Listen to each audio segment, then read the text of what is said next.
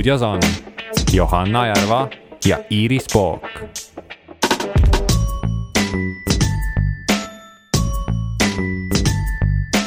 elu meie ümber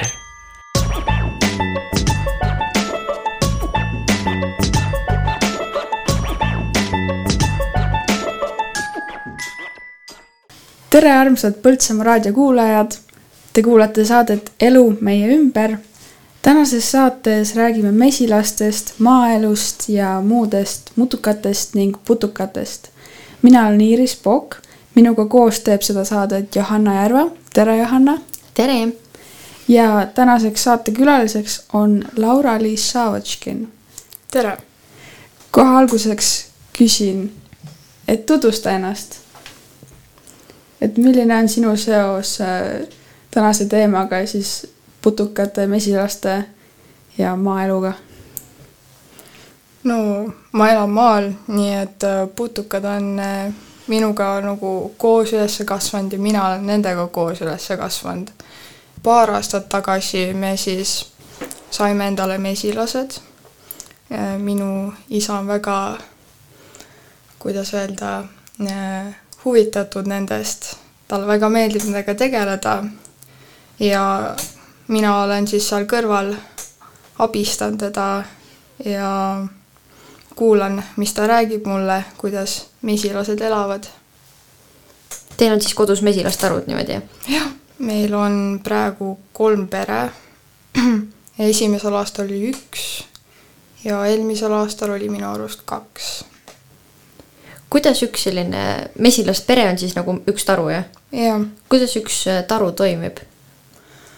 No mesilase-ema, kes siis äh, sünnitab neid või noh, muneb neid mesilasi, siis on töölised, kes on siis, söödavad ema, tegelevad taruga, ehitavad neid kärgesid, panevad sinna mett.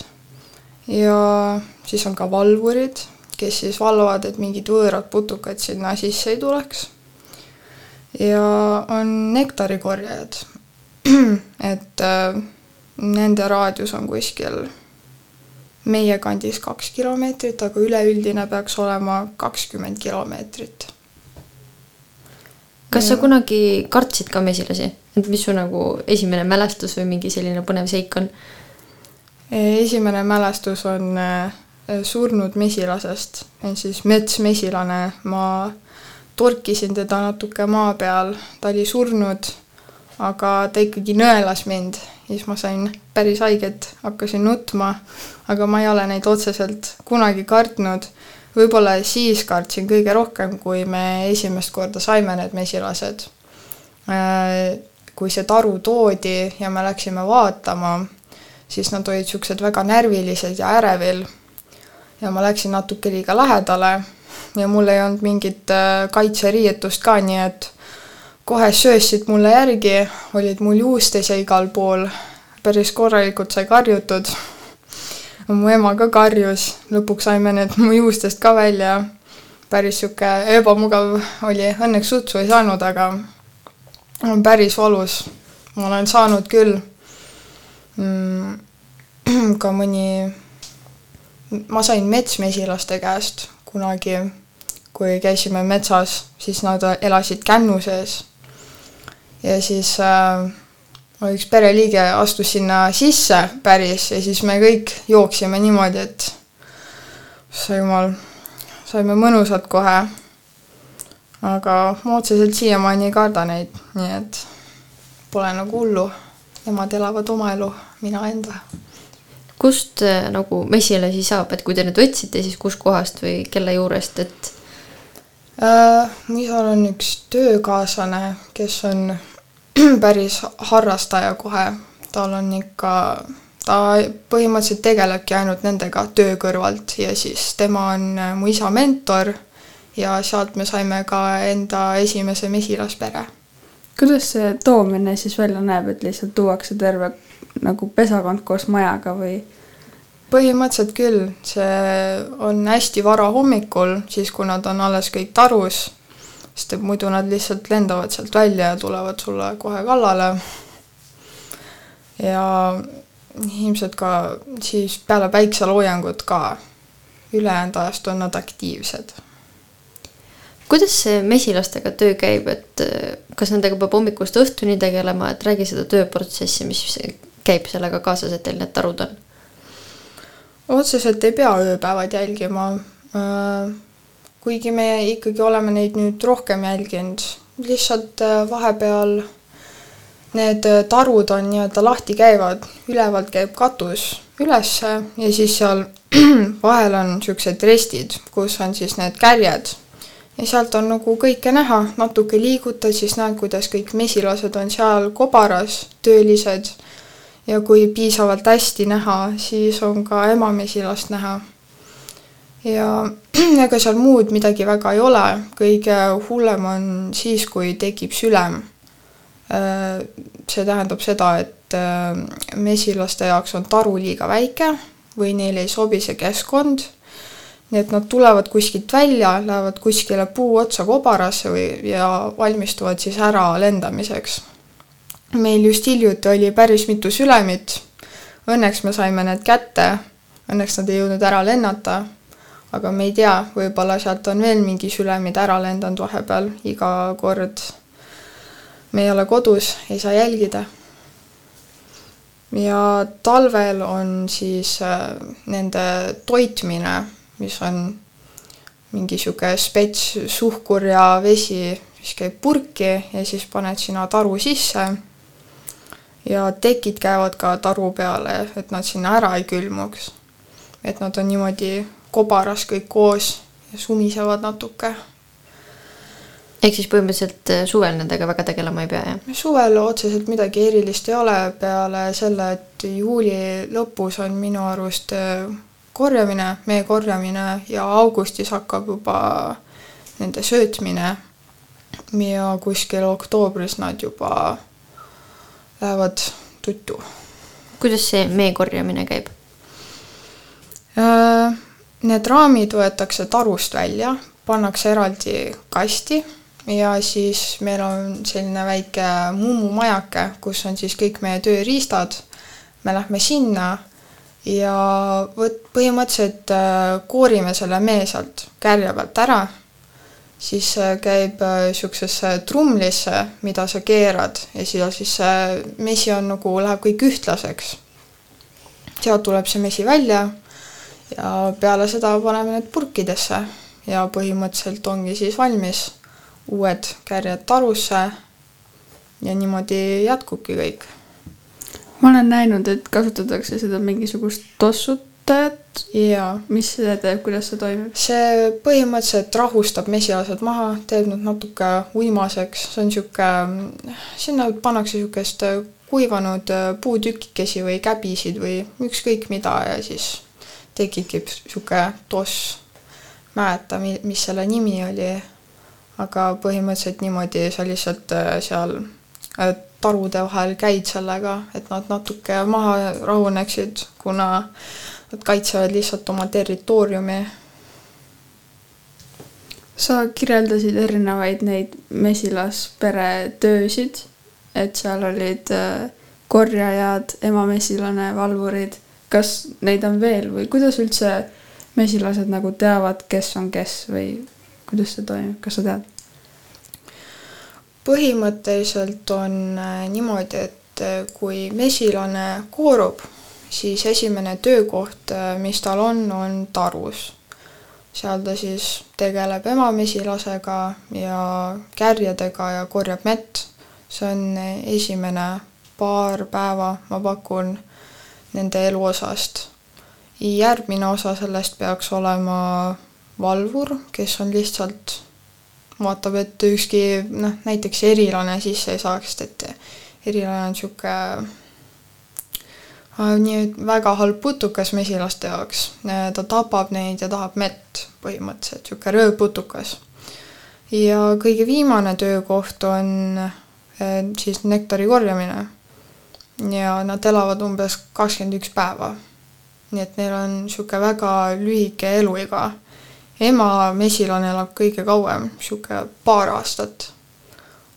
meil on siin üks äh, tore kuulaja küsimus, et kas äh, tarudel võivad olla erinevad iseloomud, et mõni on agressiivsem või, või mõni toodab rohkem mett? Äh, eks see kõik oleneb ka keskkonnast, kus nad on, aga neil on kindlasti ka iseloomud, kuna on mesilasrassid. on kolm erinevat rassi. on Itaalia ja siis oli tumemesilased ja on grainimesilased. ja sealt edasi on ka tulnud äh, kuskilt Inglismaa mingi nii-öelda rass ja sealt on ka loomulikult edasi arenenud, need on niisugused, noh, sealt tuleb palju, ka Eestis on minu arust mingisugune enda rass tulnud põhimõtteliselt. nii et äh, osad on kindlasti agressiivsemad, mm, kui ma õigesti mäletan, siis äh, üks prantsuse rass, keda ma nägin, äh, oli niisugune agressiivsem. aga see on kindlasti ka nende iseloomult võib-olla, et äh, neil on ka füüsilised erinevused kindlasti, seda ei ole nii lihtne näha, sa peaksid päris lähedalt uurima, aga ma arvan, et neil on iseloomud. kas teil on erinevate no, iseloomudega tarud äh,? vot noh, niimoodi väga nähtavalt ei ole, aga võib-olla noh, uuem on kindlasti niisugune natuke närvilisem ja uuem noh, siis on kohandumine, mõni on rahulikum, selline taru, ma ei ole nii kaua neid vaadelnud, aga ma arvan küll, et nad on niisugused erinevad natuke. nüüd võib-olla selline suur põhiline küsimus, et et äh, mis kasu üldse mesilastest on? Nad tolmendavad, et äh, siis, kui nad korjavad nektarit, siis nad käivad terve selle lille taime läbi ja ajavad selle kõik selle nektari sealt õhku ja niimoodi see levib ka teistele taimedele. et põhimõtteliselt, kui neid ei oleks ja nad ei tolmendaks, siis äh, põhimõtteliselt maailma ei oleks. et ilma nendeta me elada ei saaks. ja mesi, mis nad toodavad, on sel-, noh, tal on väga head ravivõimalused ja on ka selline ütlus, et äh, mesi võtab seitsmelt kuni kaheksalt arstilt töö ära. ma ei tea, kui tõsi see on, aga niimoodi mu isa ütles mulle, et äh, ma arvan, et see võib päris tõsi olla, et äh, me sööme mett päris palju. see kindlasti aitab. seal on fruktoosi palju ongi fruktoos ja sahariidid. ehk siis mesilased omavad väga-väga suurt rolli meie ökosüsteemis. jah. nüüd läheme siis väikesele reklaamipausile ja oleme varsti tagasi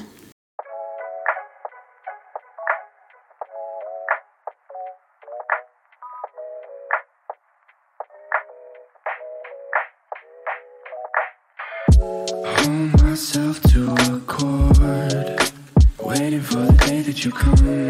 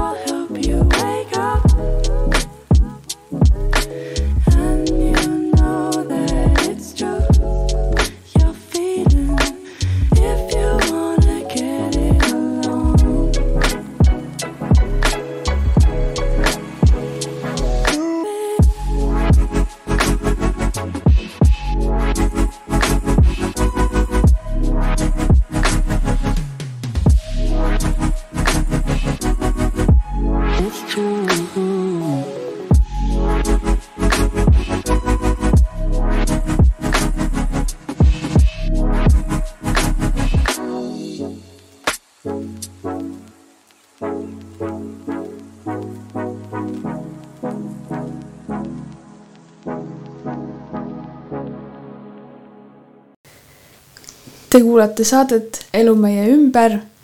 mina olen Iiris Pook, minuga on stuudios Johanna Järva ja Laura-Liis Šavotskin.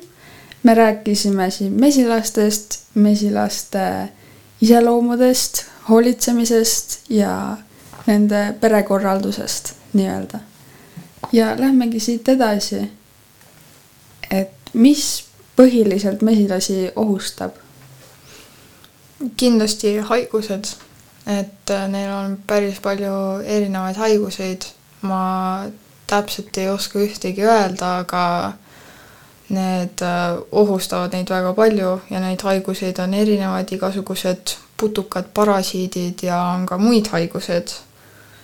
ja peale seda on kindlasti herilased ja vapsikud, kes neid ründavad, et mett saada või lihtsalt neid ära süüa ja siis on inimesed, et äh, mürgitamine, äh, igasugused noh, põllud, kus lähedal nad elavad, et äh, kui neid liiga palju mürgitada, siis mesilased surevad ka tänu sellele välja, sest see on väga tugev.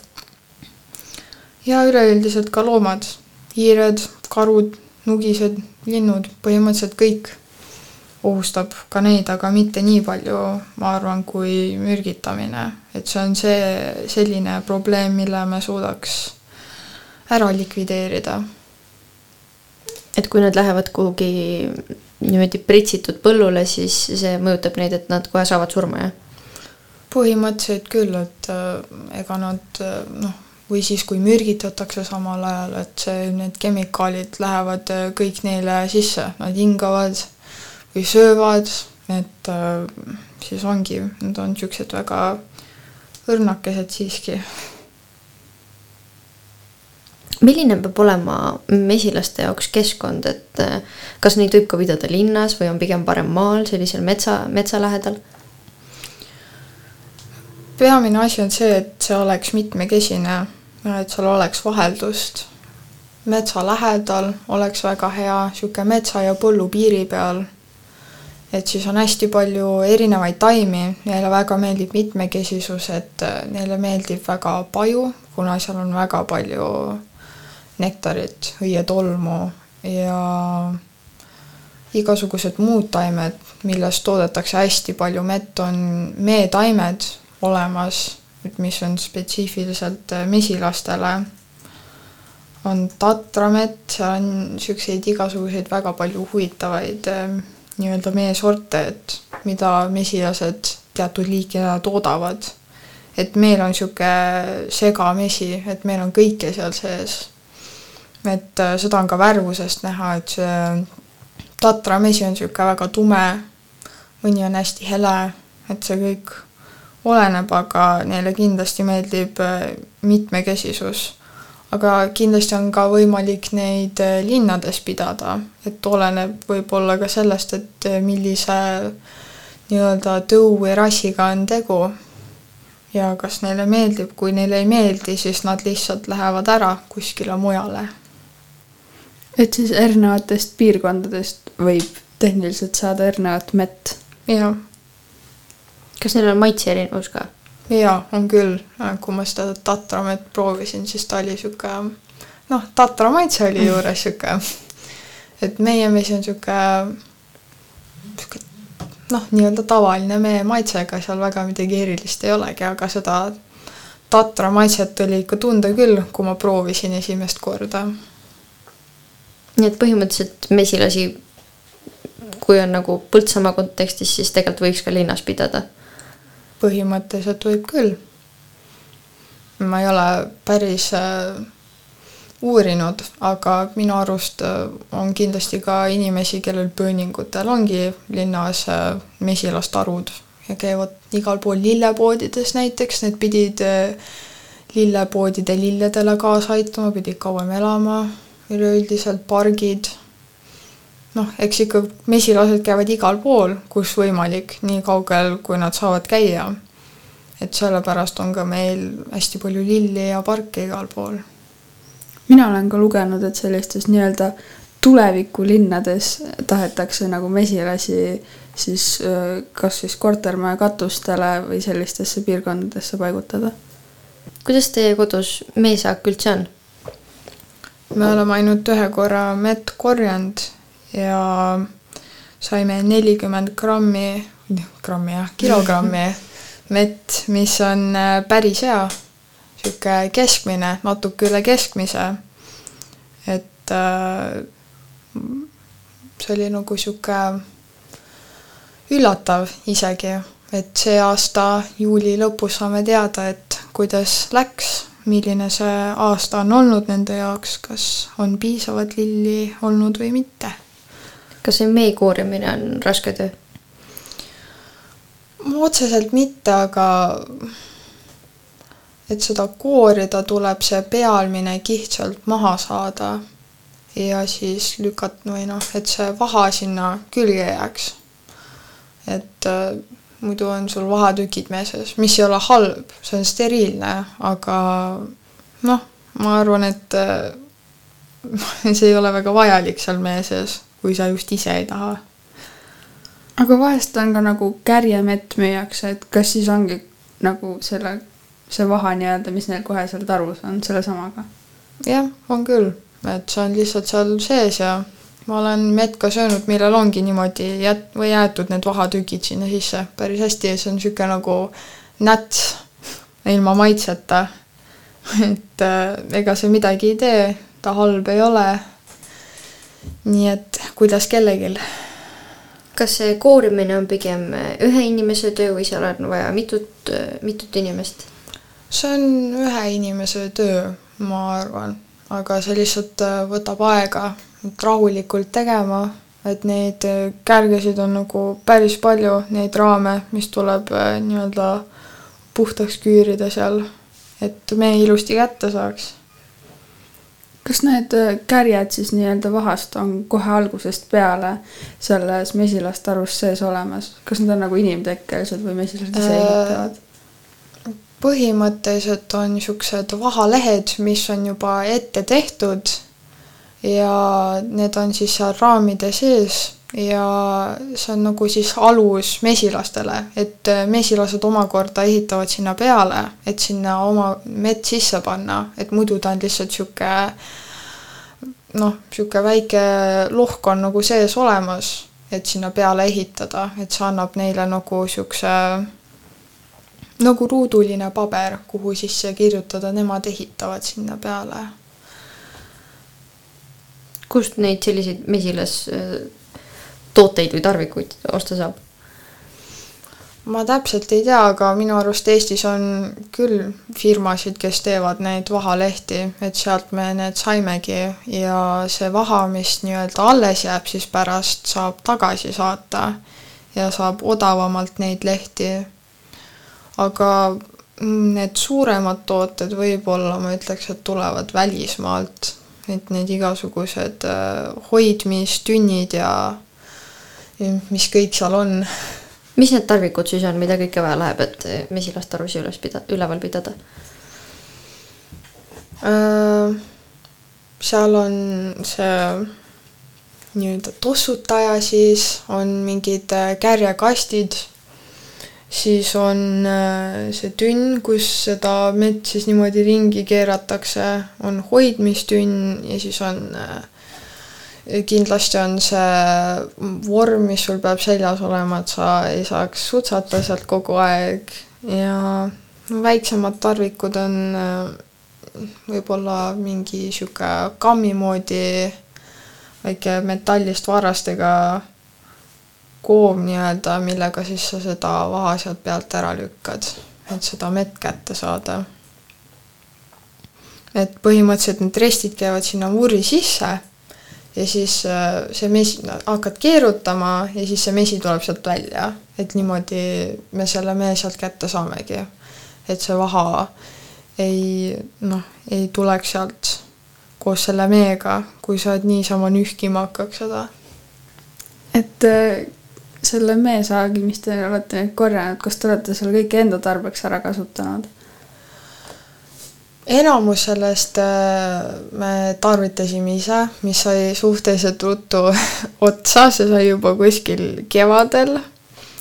sihuke keskel sai juba otsa, siis oli juba paanika, et oo, meil pole mett, aga me sööme seda iga päev. ja osa sellest andsime ka enda pereliikmetele, igale poole sugulastele ja mõnele peresõbrale proovida meie esimene saak. Kui need, neid tarvikuid loetlesid üles, et neid on nagu päris palju, et kas see on pigem selline kallis hobi või pigem odavam?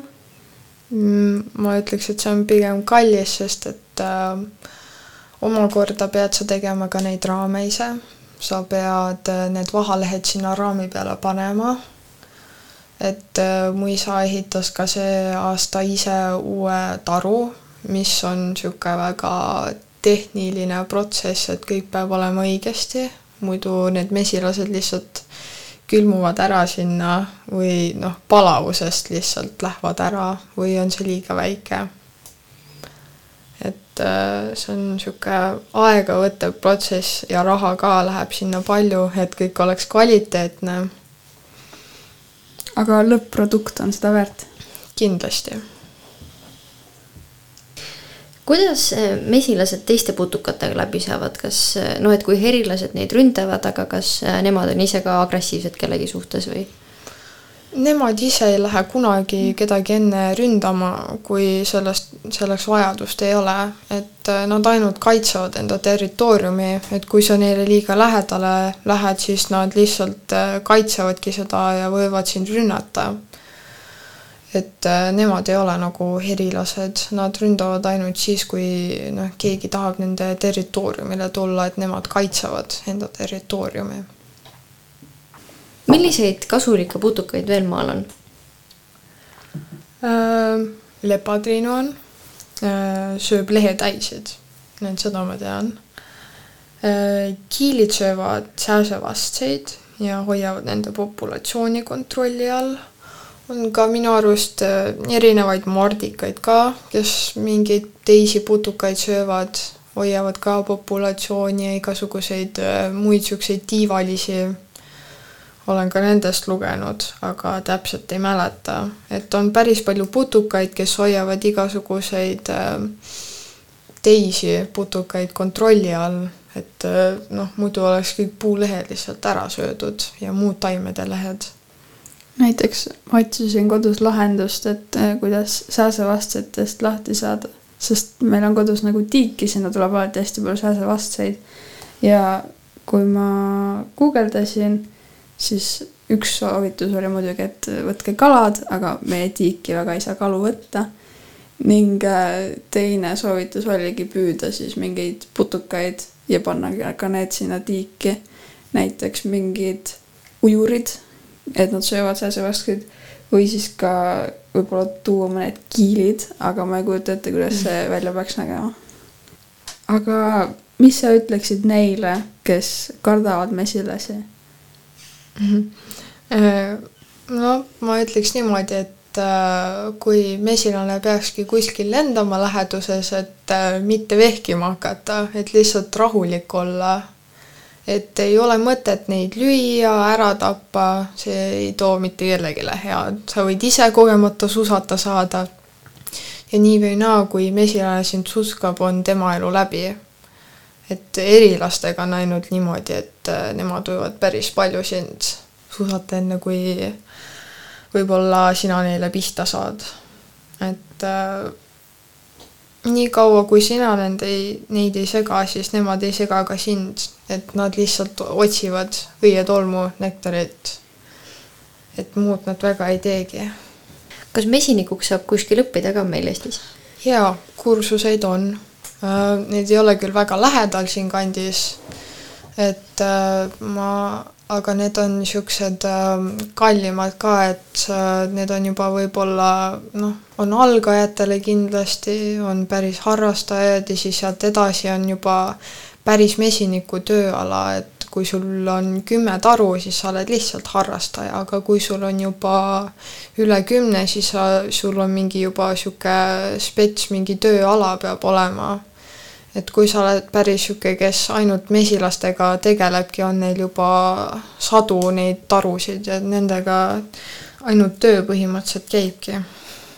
aga kas äh, mesilaste pidamisega on mingid äh, noh, seadused on äkki liiga palju öelda, aga mingid sellised reeglid, mis peavad, mis käib, mida nagu riik või siis midagi sellist on kehtestanud? no ma arvan, et äh, see harrastaja, harrastaja mm, noh, sihuke tarude limiit põhimõtteliselt ongi võib-olla selline, millest mina tean. et rohkem ma väga ei teagi, et seal võib kindlasti võib-olla veel olla, et äh, noh, et sa võib-olla liiga palju ühe maa-ala peal ka neid mesilasi kindlasti ei tohi olla, et võib ka midagi muud juhtuda, et äh, kui sa populatsiooni liiga üle ühe ala peal toodad, et siis võib-olla võib sealt mingi sihuke asi juba tekkida, probleem. Ja et mesilasi tuleb kindlasti hoida, et neid jääb niigi aina vähemaks. Soovitan kindlasti, kes on natukenegi huvitatud mesilastest, et äh, lugeda neist, vaadata igasuguseid artikleid võib-olla ja kui sealt huvi juba edasi läheb, siis kindlasti ka endale ühe tarugi võtta, et äh, see ei ole üldse nii hull. et äh, nad on väga siuksed armsad nunnud, natukene karvased, on ka metsmesilased on ka väga head, ma ei tea, kas neid niimoodi tarudes hoitakse, aga nad pidid ka väga head olema, nii et kindlasti soovitan. See oli küll väga tore õpetlik äh, saade, Johanna sai väga palju teada, ta juba ütles mulle ja mina ka. et äh, suur aitäh, Laura-Liis, et sa tulid ja rääkisid meile, valgustasid meid ja äkki tõesti mõni kuulaja tunneb nüüd väga huvi ja võib-olla võtab endalegi linna mesilast aru. aitäh kuulamast ja kohtume juba järgmisel korral. stuudios on Johanna Järva ja Iiris Pook.